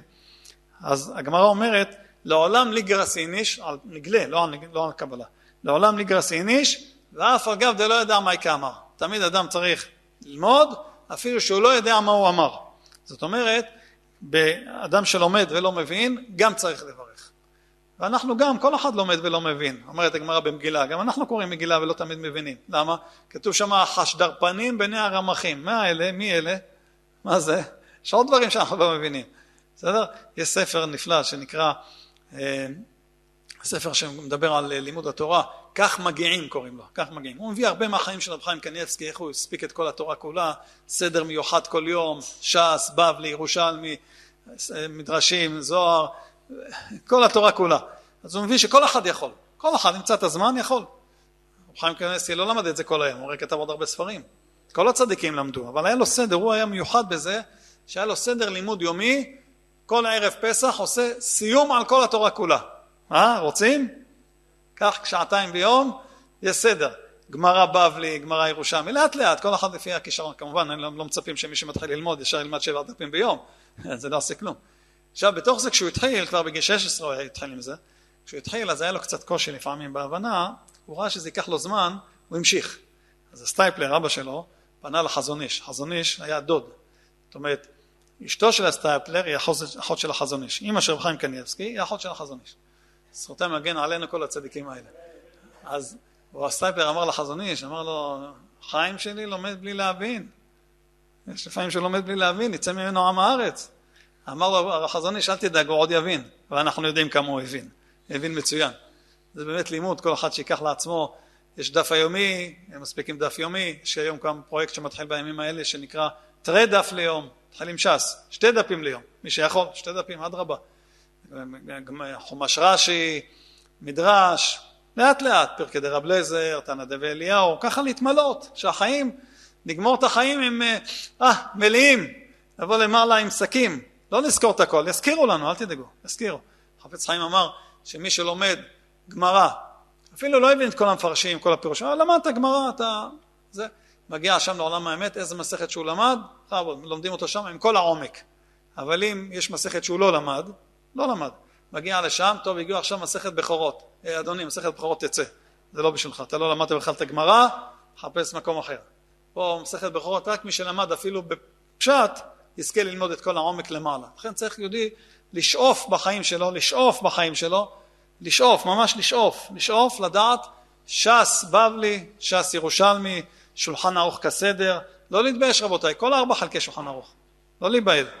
אתם יודעים שהשולחן ערוך, כתב את השולחן ערוך לבעלי בתים. את הבית יוסף הוא כתב לתלמידי חכמים, שלומדים טור בית יוסף, בית יוסף זה האריכות, האריכות זה ספר בית יוסף, כתב והעריך את כל המקורות והראשונים וסיכום ההלכות הוא כתב ספר קטן שנקרא שולחן ערוך, ספר שנקרא שולחן ערוך. שולחן ערוך בדפוסים הראשונים שלו, דפוסים הראשונים, היה, היה מיועד רק לבעלי בתים, שימו לב, רק לבעלי בתים, והיה מיועד שבעלי בתים, מה זה בעלי בתים? אנשים שעובדים כל היום, אין להם הרבה זמן ללמוד, הוא עובד, כל... שהם יעברו על ארבע חלקי שולחן ערוך, שימו לב, אתם יודעים פעם בכמה זמן? אה? פעם בשלושים יום, שלושים יום. זאת אומרת, פעם בשלושים יום הוא נפגש עם הלכות חמץ, פעם בשלושים יום עם הלכות אה, מלווה ולא יווה, מלווה ולווה, פעם בשלושים יום עם הלכות השבת אבדה, פעם בשלושים יום עם הלכות השכמת הבוקר, הלכות שבת, כל שלוש... ואני ראיתי דפוס כזה מהראשונים, שכתוב יום ראשון בחודש עד סימן ע"ג או ע"ד, אני לא זוכר, ע"ג או ע"ד, יום ראשון, א', א' לחודש, עד ע"ד באור החיים. ככה גומרים את אור החיים בכמה ימים, אור החיים יורד דעה, אה, אבן העזר בחושן משפט. רב שמחה כהן קוק, רבה של רחובות, סיפר פעם שבאו יהודים חלבים מחלב למרכז קליטה. לא זוכר, לא יודע איזה שנים זה היה, לפחות, לפחות 40 שנה, או 40 או 50 שנה, הגיעו יהודים מחלב, יהודים בעלי בתים, מה שנקרא יהודים פשוטי עם, פשוטים. אומר, כולם היו בקיאים בשולחן ערוך יורה דעה בעל פה. יורה דעה בעל פה, זה אומר הלכות טרפות, בשר בחלב, תערובות, יין נסך, עבודה זרה, נדרים, שבועות, כל מה שיש אחר כך שם, תרומות, מעשרות, אה, הוא עוד הרבה דברים. אבלות, בקיאים ביורי דעה בעל פה.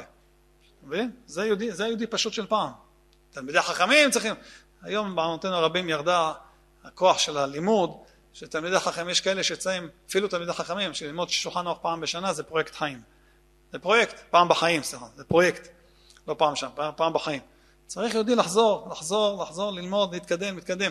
ותדעו לכם, אם אדם מוצא את הזמן, מוצא את הזמנים המיותרים בחיים, עוזב את כל מה שלא צריך, עוזב כל מה שלא צריך, יכול להספיק המון המון המון, וגם אם הוא בעבודה בדברים שהוא יכול לשמוע אוזניות בינתיים, הוא יכול לשמוע, שים היום דיסק און קי, זה יש כל הלשון, כל התורה כולה יש שם, כל הלשון, כל התורה כולה, יכול להוריד, ויש הרבה הרבה רבנים, אחד מתחבר לסגנון כזה, אחד סגנון כזה, דבר נפלא מאין כמוהו, יכול להספיק הרבה הרבה הרבה בתורה.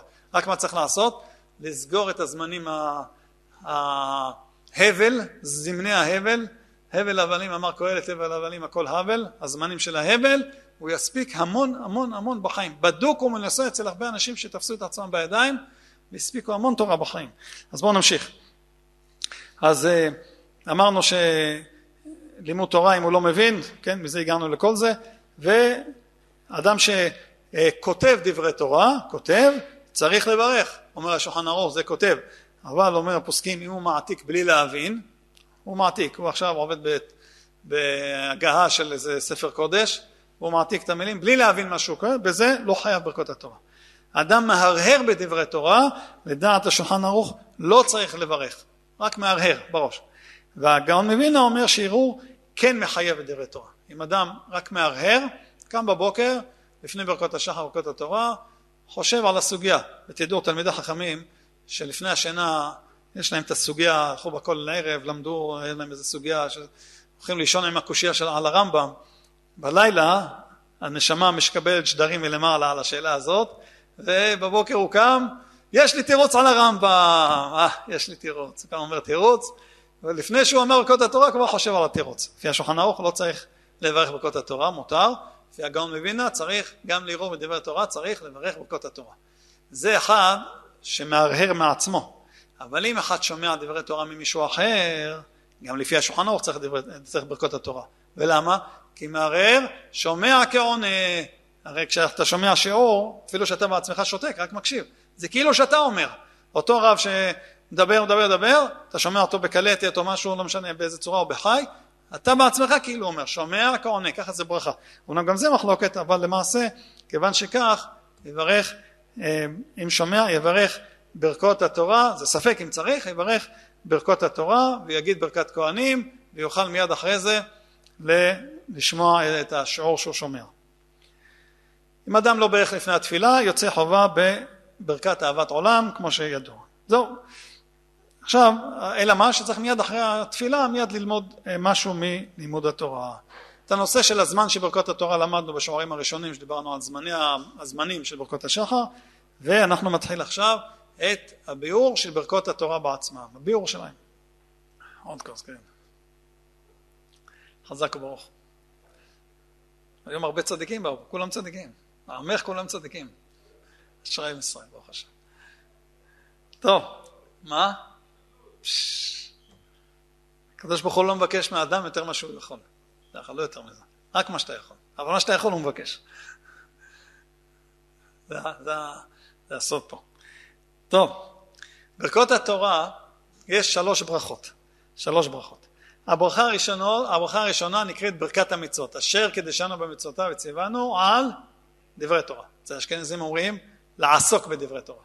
על דברי תורה זה על, כמו על uh, נטילת לולב, על ישיבה בסוכה, על לשבת בסוכה, זה על, יש על בהרבה מצוות. על המילה, הרבה מצוות שזה בעל.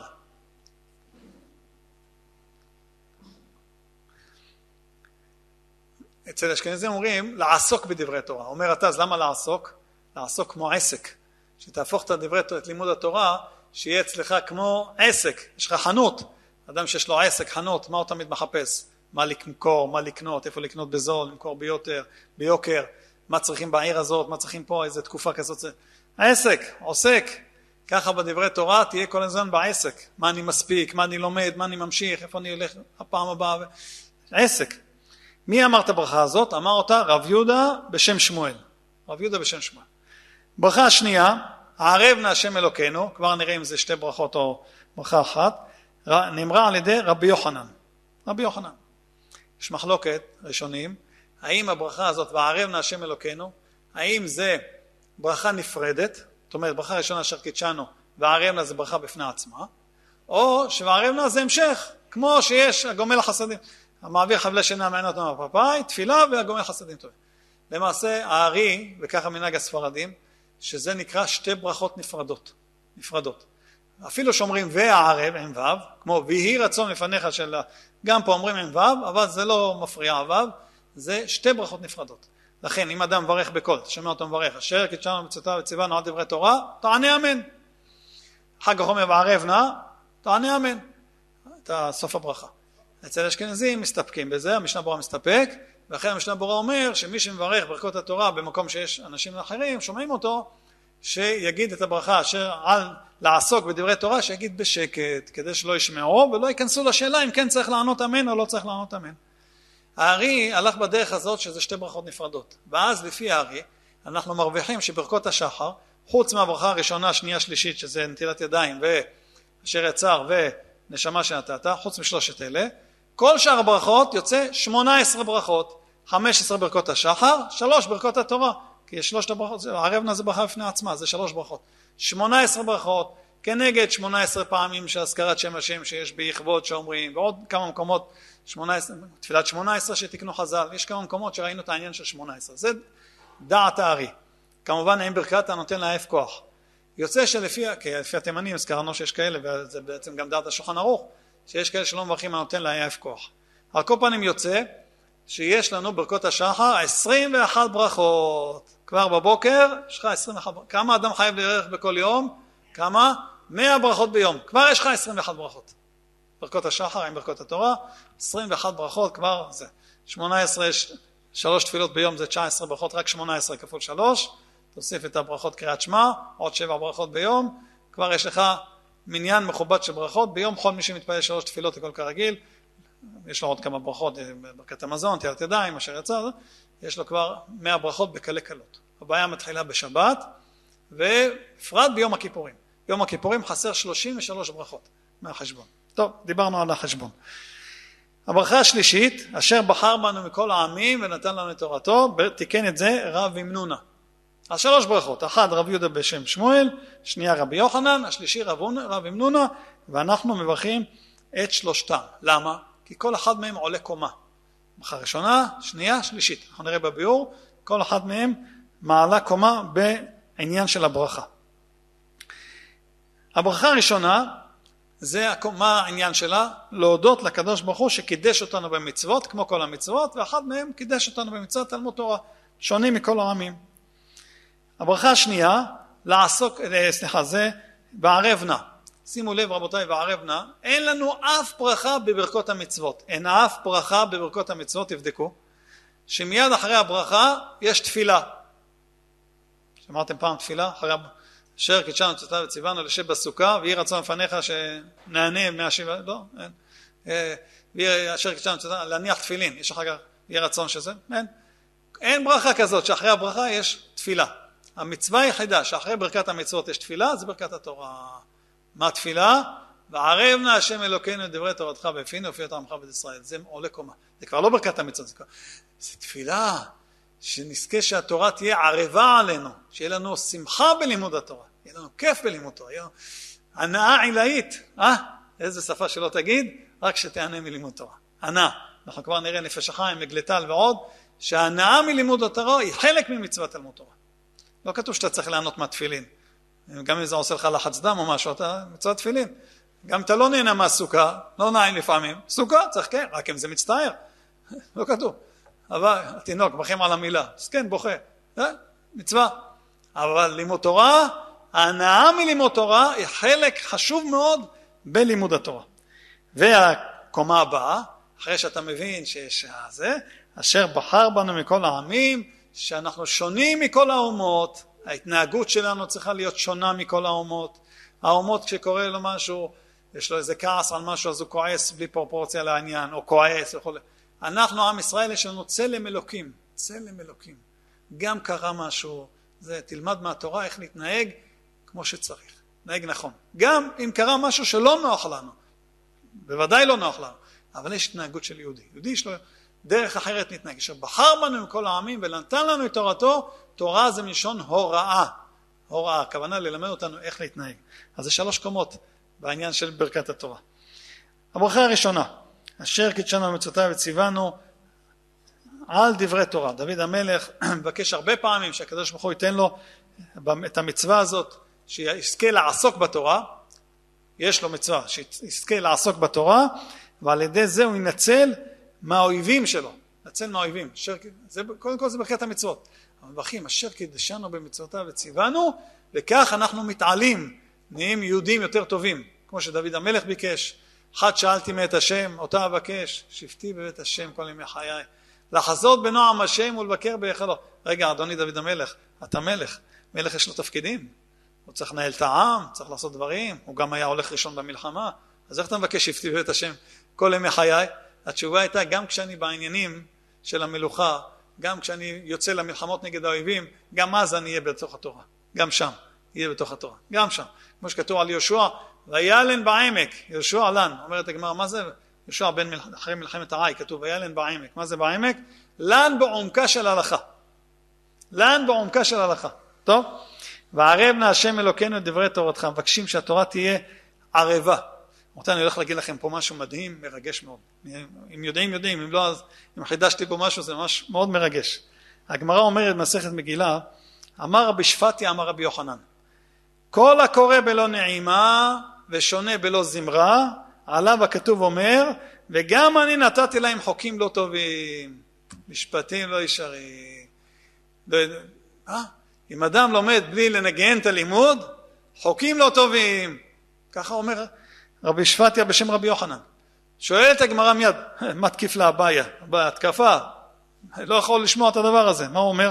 בגלל שלא ידוע לי בסור מקאלה, לא כולם יש כישרון של זמרה, אתם מבינים? לא כולם אה, נגן, זה כישרון מוזיקלי, לא לכולם יש כישרון מוזיקלי. אז בגלל שהוא לא יודע לנגן, אתה קורא בהם משפטים לא יחיו בהם? אלא הוא מסביר את הפסוק אחרת, הוא מסביר משהו אחר. אביי מסביר משהו אחר. כמו כשאמר רב משרשיה, שני תלמידי חכמים היושבים בעיר אחת ואין נוחים זה לזה בהלכה, עליהם הכתוב אומר, וגם אני נתתי להם חוקים לא טובים, משפטים לא חיו בהם. זאת אומרת שאם שני תלמידי חכמים בעיר אחת ורבים אחד עם השני, זה נקרא חוקים לא טובים. שמה למדת התורה? בשביל לעשות שלום, לא בשביל, לא בשביל לריב. אחד בא אומר לך, אתה יוצא מהשיעור, אחד הרב אמר בשיעור כך וכך, ניגש אליו אחד, הרב ההוא מהרחוב השני אמר הפוך.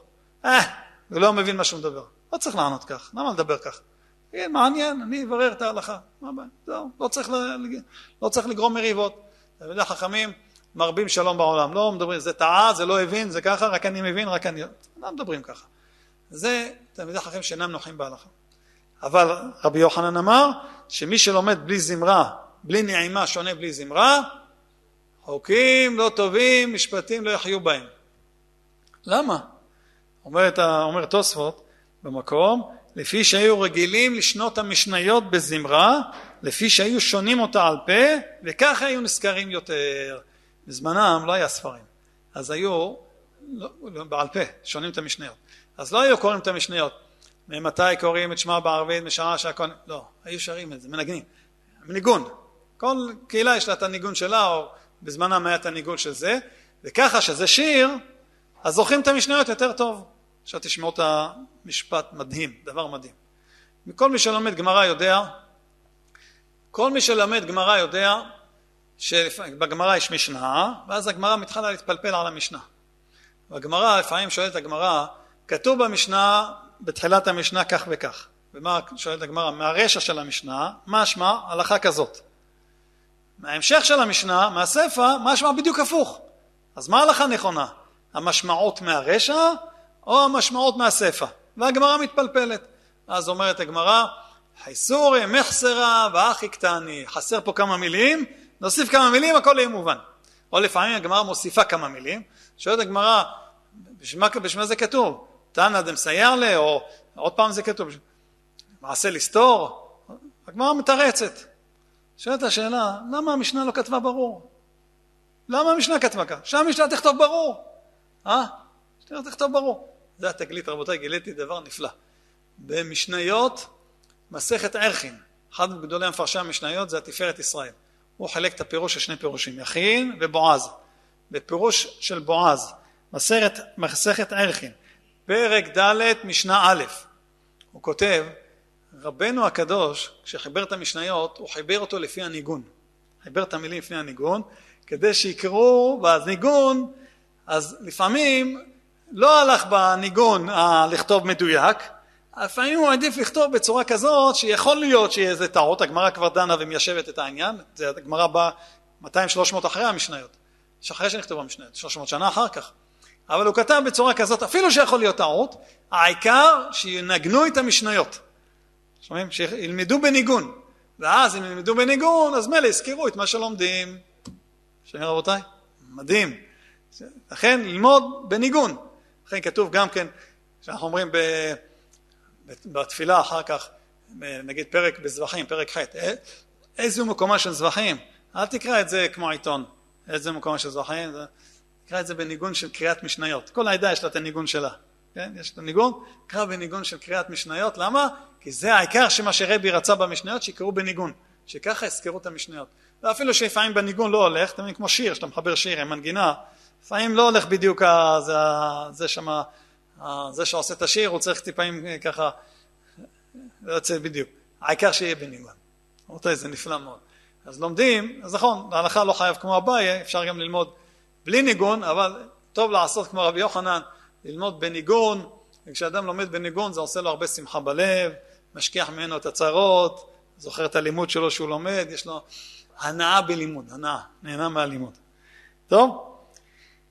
אז וערב נא השם אלוקינו, זו התפילה המיוחדת, וערב נא השם אלוקינו את דברי תורתך בפינו, פיות עמך בית ישראל, זאת אומרת כמו שהנפש החיים כותב, מעריך בזה בשער ד' והנגלטל ועוד, הם מדברים על זה, שללמוד וליהנות מלימוד התורה, ליהנות. לא רק בפינו, פיות עמך בית ישראל. כשאדם מלמד תורה, והוא מלמד בצורה שמחה, שנהנים, אז גם אנשים ירצו לבוא. אנשים ירצו ללמוד, ואז גם הם יענו מהתורה, גם הם יענו. אבל אם הוא מלמד בעצבות, אם הוא עצמו עצבות כזאת, והוא מלמד בעצבות, אז אנשים ששומעים גם לא נהנים. היום יש קצת כאלה הגזימו, אתה בא לשיעור, אומר לך שיעור, אתה בא לשיעור, כל השיעור בדיחות. פה ושם נכנס פסוק. זה טוב כאלה בשביל לקרב את אלה שלא באו ללמוד תורה, באו רק בשביל אה, אה, ככה להתקרב ליהדות, אז עושים בדיחות בשביל לקרב אותם. למה? בגלל שכמו שילד אז כשהייתי ילד, כל המבוגרים זוכרים שהיינו ילדים, אז הרופא לפעמים רשם לך מרשם אקמול. זוכרים שהיה פעם אקמול? אקמול. היום עשו אקמולי, עם טעם. אז כשהיינו ילדים, ו...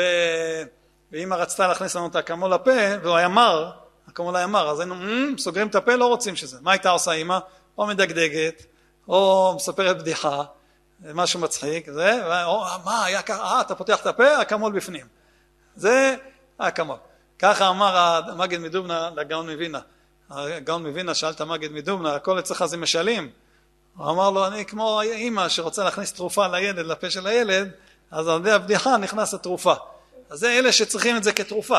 יודעים שהם רחוקים ממצוות וצריכים לשמוע איזה... אז שעה שלמה בדיחות, באמצע נכנס איזה דבר תורה, איזה משהו, איזה ככה איכשהו חצי פסוק פה, חצי פסוק שם, והם הולכים לסמינר של ערכים או משהו אחר, וברוך השם חוזרים לתשובה. זה בסדר. אבל אחרי שכבר עברנו את השלב הזה, בסדר? מי שכבר עבר את השלב הזה, אז אה, לא יותר מדי בדיחות, זה לא צריך, לא כל השאר בדיחות, השאר צריך להיות דברי תורה. טוב, פיות עמך בית ישראל, ונהיה אנחנו וצאצאינו וצאצאי צאצאינו.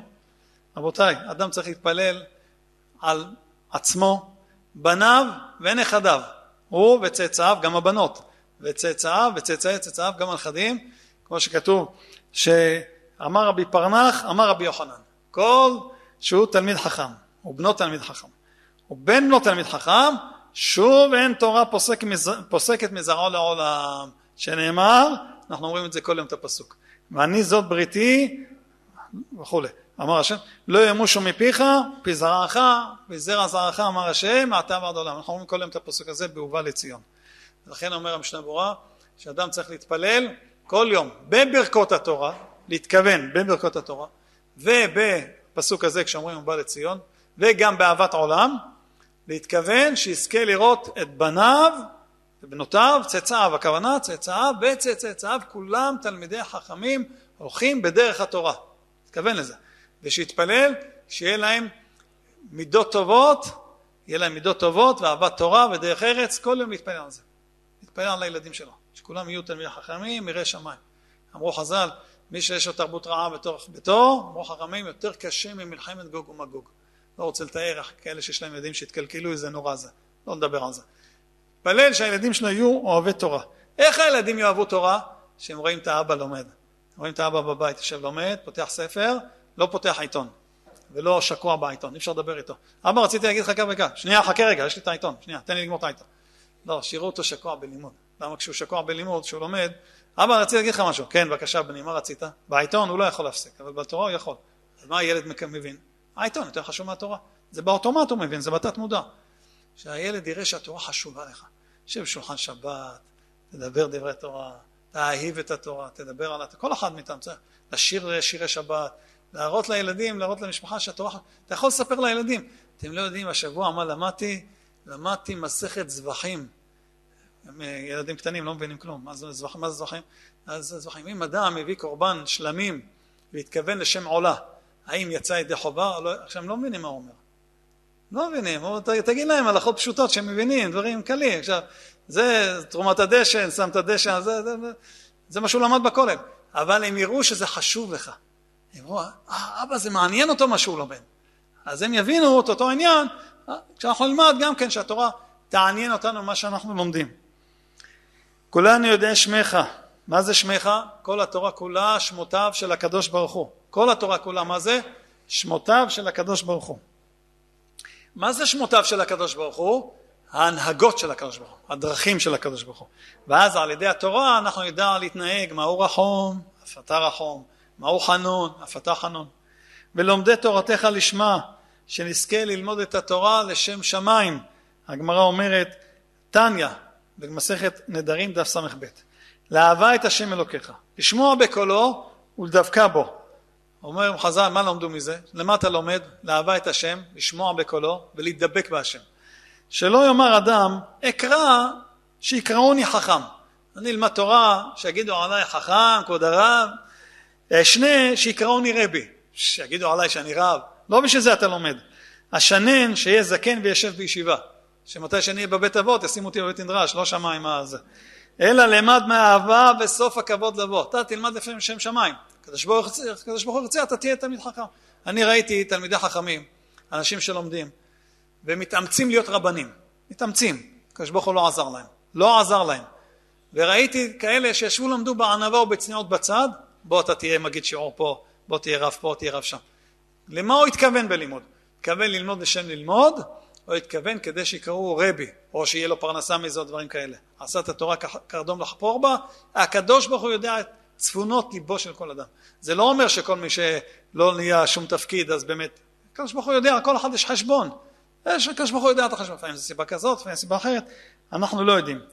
ומסיימים, ברוך אתה השם, המלמד תורה לעמו ישראל. מלמד ולא לימד. מתי קיבלנו את התורה? מעמד הר סיני. אז היה צריך להגיד, אשר לימד תורה לעמו ישראל. לא, המלמד. כל יום ויום התורה, שוב, עוד פעם לימוד תורה, עוד פעם שפע תורני יורד לעולם, שפע של מעמד הר סיני יורד כל יום, לפי כמה שאדם מתאמץ בלימוד התורה. אז אם כן, זה הברכה האמצעית, הראשונה הייתה אשר קידשנו צאתה וציוונו אה, על דברי תורה, האמצעית זה וערב נא, תפילה, זה תפילה, וערב נא השם, וואו, באיזה שמחה צריך להגיד את זה, אה רבותיי, ממחר נשתדל כולנו להגיד את כל ברכות השחר, בפרט עכשיו התפילה הזאת, וערב נא, בשמחה, וערב נא, וערב נא, וערב נא, השם אלוקינו, את דברי תודך אפילו. שיש שמחה, שיש שמחה בלימוד התורה. אנחנו וצאצאינו, צאצאי צאצאינו, כולנו יודעי שמך, כל עם ישראל יודעי שמך. על הברכה השלישית. ברוך אתה השם אלוקינו מלך העולם, אשר בחר בנו מכל העמים ונתן לנו את תורתו, ברוך אתה השם, נותן התורה. כתוב בספרים שעם ישראל קיבלו את התורה שלוש פעמים. שומעים? שלוש פעמים. איפה שלוש פעמים? אחד לפני מתן תורה, כשאמרו נעשה ונשמע, אז כבר קיבלו את התורה. פעם שנייה מעמד הר סיני. פעם שלישית שמשה רבנו כרת ברית עם ישראל. שלוש פעמים. לכן אומרים אשר בחר בנו מכל העמים. זה כשהקדוש ברוך הוא אמר וייתם לי סגולה מכל העמים, אז קיבלו פעם אחת. ההמשך, מתי שקיבלו קיבלו מעצמם, כשהם רצו לקבל מעצמם במעמד הר סיני. הפעם השלישית זה על כריתת הברית על ידי משה רבנו. אשר בחר בנו מכל העמים, מתי זה? בנעשה ונשמע. עשה אותנו סגולה מכל העמים. פעם שנייה, ונתן לנו את תורתו, זה במעמד הר סיני. ברוך אתה השם נותן התורה זה משה רבנו שקראתי איתנו ברית. שלוש פעמים. לכן יש פה שלוש חלקים בברכה הזאת. אז לכן נתן לנו את תורתו, אמנם פה כתוב נתן לנו את תורתו, זה היה במעמד הר סיני, אבל ברוך אתה השם מסיימים, תמיד הברכה צריכה להיות כמו, החתימה צריכה להיות כמו הברכה. הברכה, החתימה זאת אומרת לפני הסיום, הברכה היא נתן לנו את תורתו, נתן, נתן. והסיום נותן התורה. כי אנחנו היום עומדים לפני הקדוש ברוך הוא מכוח הברית שכרת משה רבנו עם עם ישראל לפני הקדוש ברוך הוא. כרת איתנו ברית. אז זה נותן. כל יום נותן. וגם ידיעת התורה מתחדשת כמו כל יום, כמו מעיין. מעיין שכל יום, כל יום מתחדש, מתחדש, מתחדש, מתחדש. וואו. אמר רבי יוחנן, לא כרת הקדוש ברוך הוא ברית עם ישראל, אלא בשביל דברים שבעל פה. יש תורה שבכתב, יש תורה שבעל פה. תורה שבכתב, אומות העולם יכולים לשלוט בה. להעתיק את התורה, תורה שבעל פה, אומות העולם לא יכולים. לך תסביר את התורה שבעל פה לגוי, לך תסביר. תגיד לו שאם כתוב בפסוק כך וכך, אז אם היה כתוב כך, הפירוש כך, ואם היה כתוב כך, הפירוש כך. האות ה', ואם זה מפיק ה', ואם זה, כל הלימודים שיש בש"ס. גוי לא מבין מה שאתה רוצה. כתוב כך וכך, מה אתם מפלפלים פה כל כך הרבה דברים? זה גוי. יהודי מבין. מה זה? תורה שבעל פה. לא קראת הקדוש ברוך הוא ברית עם ישראל, אלא בשביל תורה שבעל פה. למה? כמו שכתוב, כי על פי הדברים האלה קראתי איתך ברית ואת ישראל. זה הברית שמכוחה אנחנו מחוברים לקדוש ברוך הוא. יש גוי מצטט לך לפעמים איזה פסוק מהתורה, פסוק, איכשהו הפסוק קשור לעניין, אתה לא מבין מה הכנסת את זה, מה, יש איזה גוי, איזה נשיא מדינה או איזה משהו בא ורוצה להרשים שהוא מכיר את התורה שלנו, הוא מכיר את התורה מה Bible, כן, מהתנ"ך שהוא מכיר, הוא רוצה להרשים שהוא יודע גם את, את התנ"ך, את ה Bible, אז הוא מספר לך שם על משה רבנו, על יעקב אבינו, אתה שומע אותו אומר מאיפה זה בא, מאיפה בלבל במה, קרא פסוקים, ערבב אותם, ב... כן? שמע ישראל השם אלוקינו לעולם ועד, אתם מבינים? אומר לך את הפסוק עם אלף טעויות. אבל יהודי, עם ישראל יש להם את התורה שבעל פה שמסבירה את התורה שבכתב. וזה סוד של עם ישראל. זה הברית המיוחדת עם ישראל בתורה ש... אה, ש... התורה שבעל פה. מיד אחרי ברכות התורה צריך ללמוד תורה. צריך ללמוד תורה. נו, אז מה לומדים? אז יש כמה דברים שלומדים. הדבר הראשון הראשון שלומדים אחרי ברכת התורה זה קטע בתורה, ברכת כהנים. רבותיי, לא אומרים את ברכת כהנים כדי לברך את עם ישראל אחרי ברכות התורה, לא זה הסיבה. הסיבה שאומרים את ברכת כהנים זה כדי לקיים מצוות תלמוד תורה. עכשיו, שחיפשו מה להגיד, אמרו בוא נגיד ברכה, הכי טוב. מה יותר טוב מזה? ברכת כהנים. אבל לא שנתכוון ברכת כהנים רק בשביל לברך, אתה לא כהן, אתה אומר עכשיו ברכת כהנים. את מי אתה מברך? אתה נמצא לבד בבית. את מי אתה מברך כרגע? זה אמרו את ברכת כהנים כדי לקיים מצוות לימוד התורה. היו יכולים לבחור הרבה דברים אחרים. בחרו פה להגיד ברכת כהנים, זה הסיבה. ואחר כך בקורבנות יש עוד דברים שאומרים, אביי אבא מסדר סדר מערכה, זה בשביל לקיים מצוות תלמוד תורה, אמר רבי ישמעאל, זה בשביל לקיים מצוות תלמוד תורה. אבל עכשיו, מיד אחרי ברכות התורה צריך לקיים מצווה. אתה מברך, צריך לקיים מצווה. מה המצווה? לימוד תורה. איך אתה מקיים? ברכת כהנים. אז אומרים את ברכת כהנים. אומר השולחן האור בסימן מ"ז סעיף ט' יש אומרים שאם הפסיק בין ברכת התורה ללימוד אין בכך כלום ונכון שלא להפסיק ביניהם ונהגו לחמר ברכת כהנים סמוך לברכת התורה למה? כדי שלא יהיה הפסק בין הברכה לבין לימוד התורה ולמה דווקא ברכת כהנים? כי יש בזה ברכה ולכן כיוון שזה לא, אתה לא מתכוון לברכה בעיקרון, לא, זה לא ברכה אלא זה לימוד תורה, מותר להגיד גם מי שאומר ברכות התורה בלילה, גם אומר ברכת כהנים. הרי ברכת כהנים לא אומרים בלילה, לא אומרים בלילה. אבל אם אתה לא מברך ברכות התורה, אומר ברכת כהנים, כי אתה לא מתכוון לברכה, אתה מתכוון לתורה. דרך אגב, אתה מתכוון לקיים מצוות לימוד תורה. דרך אגב, תתכוון גם ברכה לעם ישראל, אין בעיה. אבל העיקרון, העיקר של זה, זה הלימוד התורה.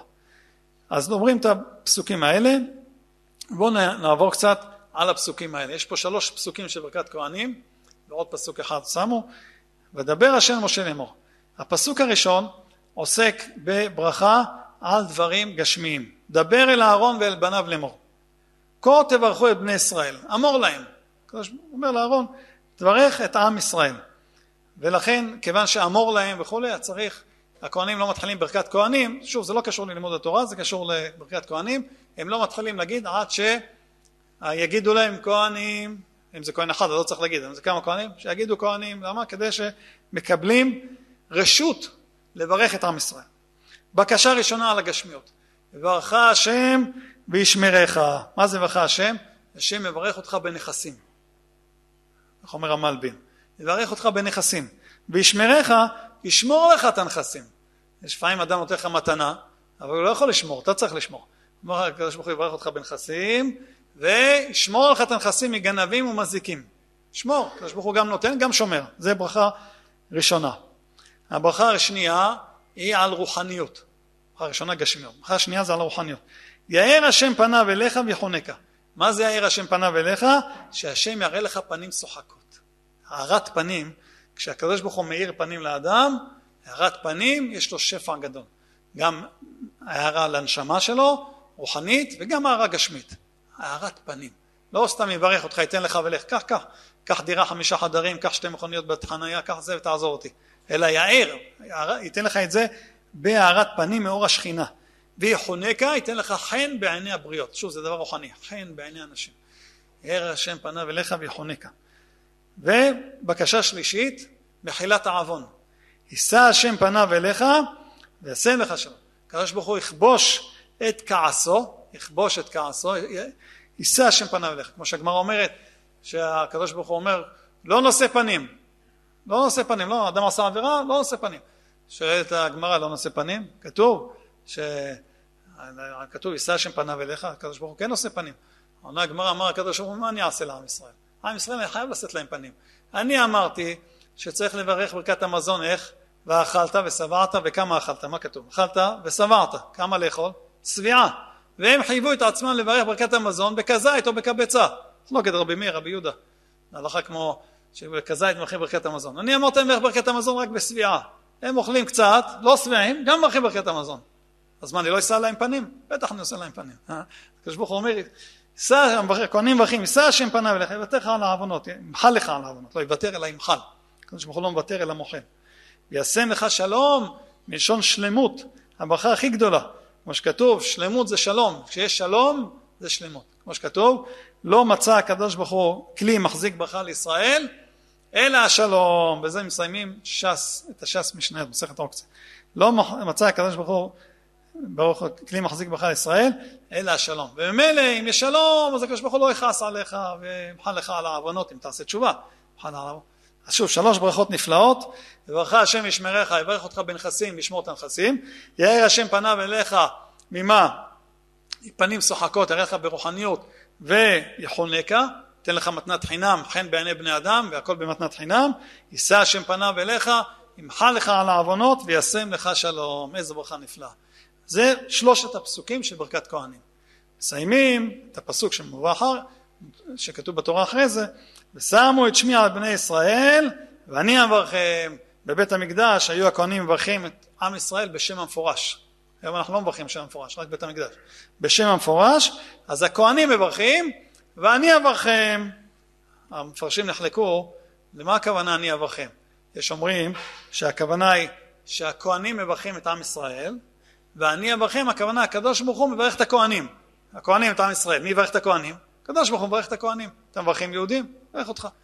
אבל יש אומרים שהכהנים מברכים את עם ישראל, והקדוש ברוך הוא אומר אני אעביר את הברכה לעם ישראל, לעם ישראל דרך הכהנים. אבל על כל פנים, כשאדם מברך, אנשים, אדם שהפה שלו פה של ברכות. יש אדם פה שלו לא ברכות, מבינים? אדם שהפה שלו תמיד מברך. שיהיה לך טוב, שיהיה לך זה. בא אחד אומר לו, למה עשית כך וכך? מתחיל, כועס עליו. השם מברך אותך, שיהיה לך רק טוב, שיהיה לך זה. אדם שרגיל לברך, הקדוש ברוך הוא גם מברך אותו. בסוף ברכות השחר יש מודפס בכל מיני כמה סידורים, כמה דברים שטוב להגיד אותם אחרי התפילה.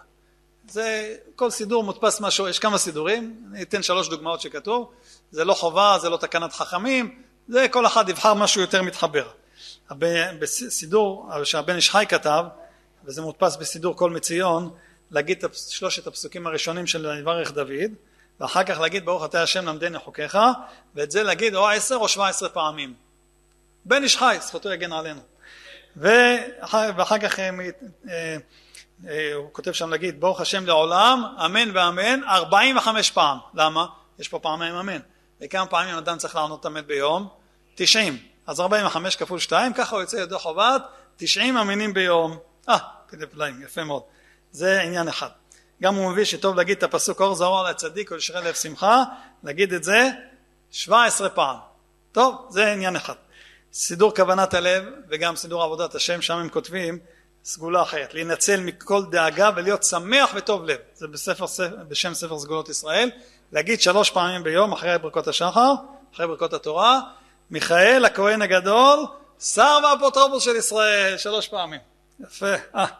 ועוד דבר, סידור מתוק מדבש, הוא כותב בשם רבי אברהם חמוי, בספר עם, אה, ספר שנקרא ימלט נפשו, הוא היה מקובל גדול מאוד, והוא כותב סגולה להגיד כדי שאדם ינצל מכל אויב ומסטין ופגע רע ותהא אימתו מוטלת על הבריות להגיד שלוש פעמים את הפסוק לא יתייצב איש בפניכם ובעזרת השם שיתקיים בנו הפסוק הזה במצב שלנו שיתקיים חזק שיתקיים לא יתייצב איש בפניכם פחדכם ומרעכם ייתן אדוני אלוהיכם על פני כל הארץ אשר תדרכו בה כאשר דיבר לכם שבעזרת השם נזכה עם ישראל לנצח בכל המלחמות המלחמה שקורית עכשיו נזכה בעזרת השם לגאולה שלמה במהרה בימינו אמן ואמן ביד גואל צדק ובניין בית המקדש מהרה בימינו אמן ואמן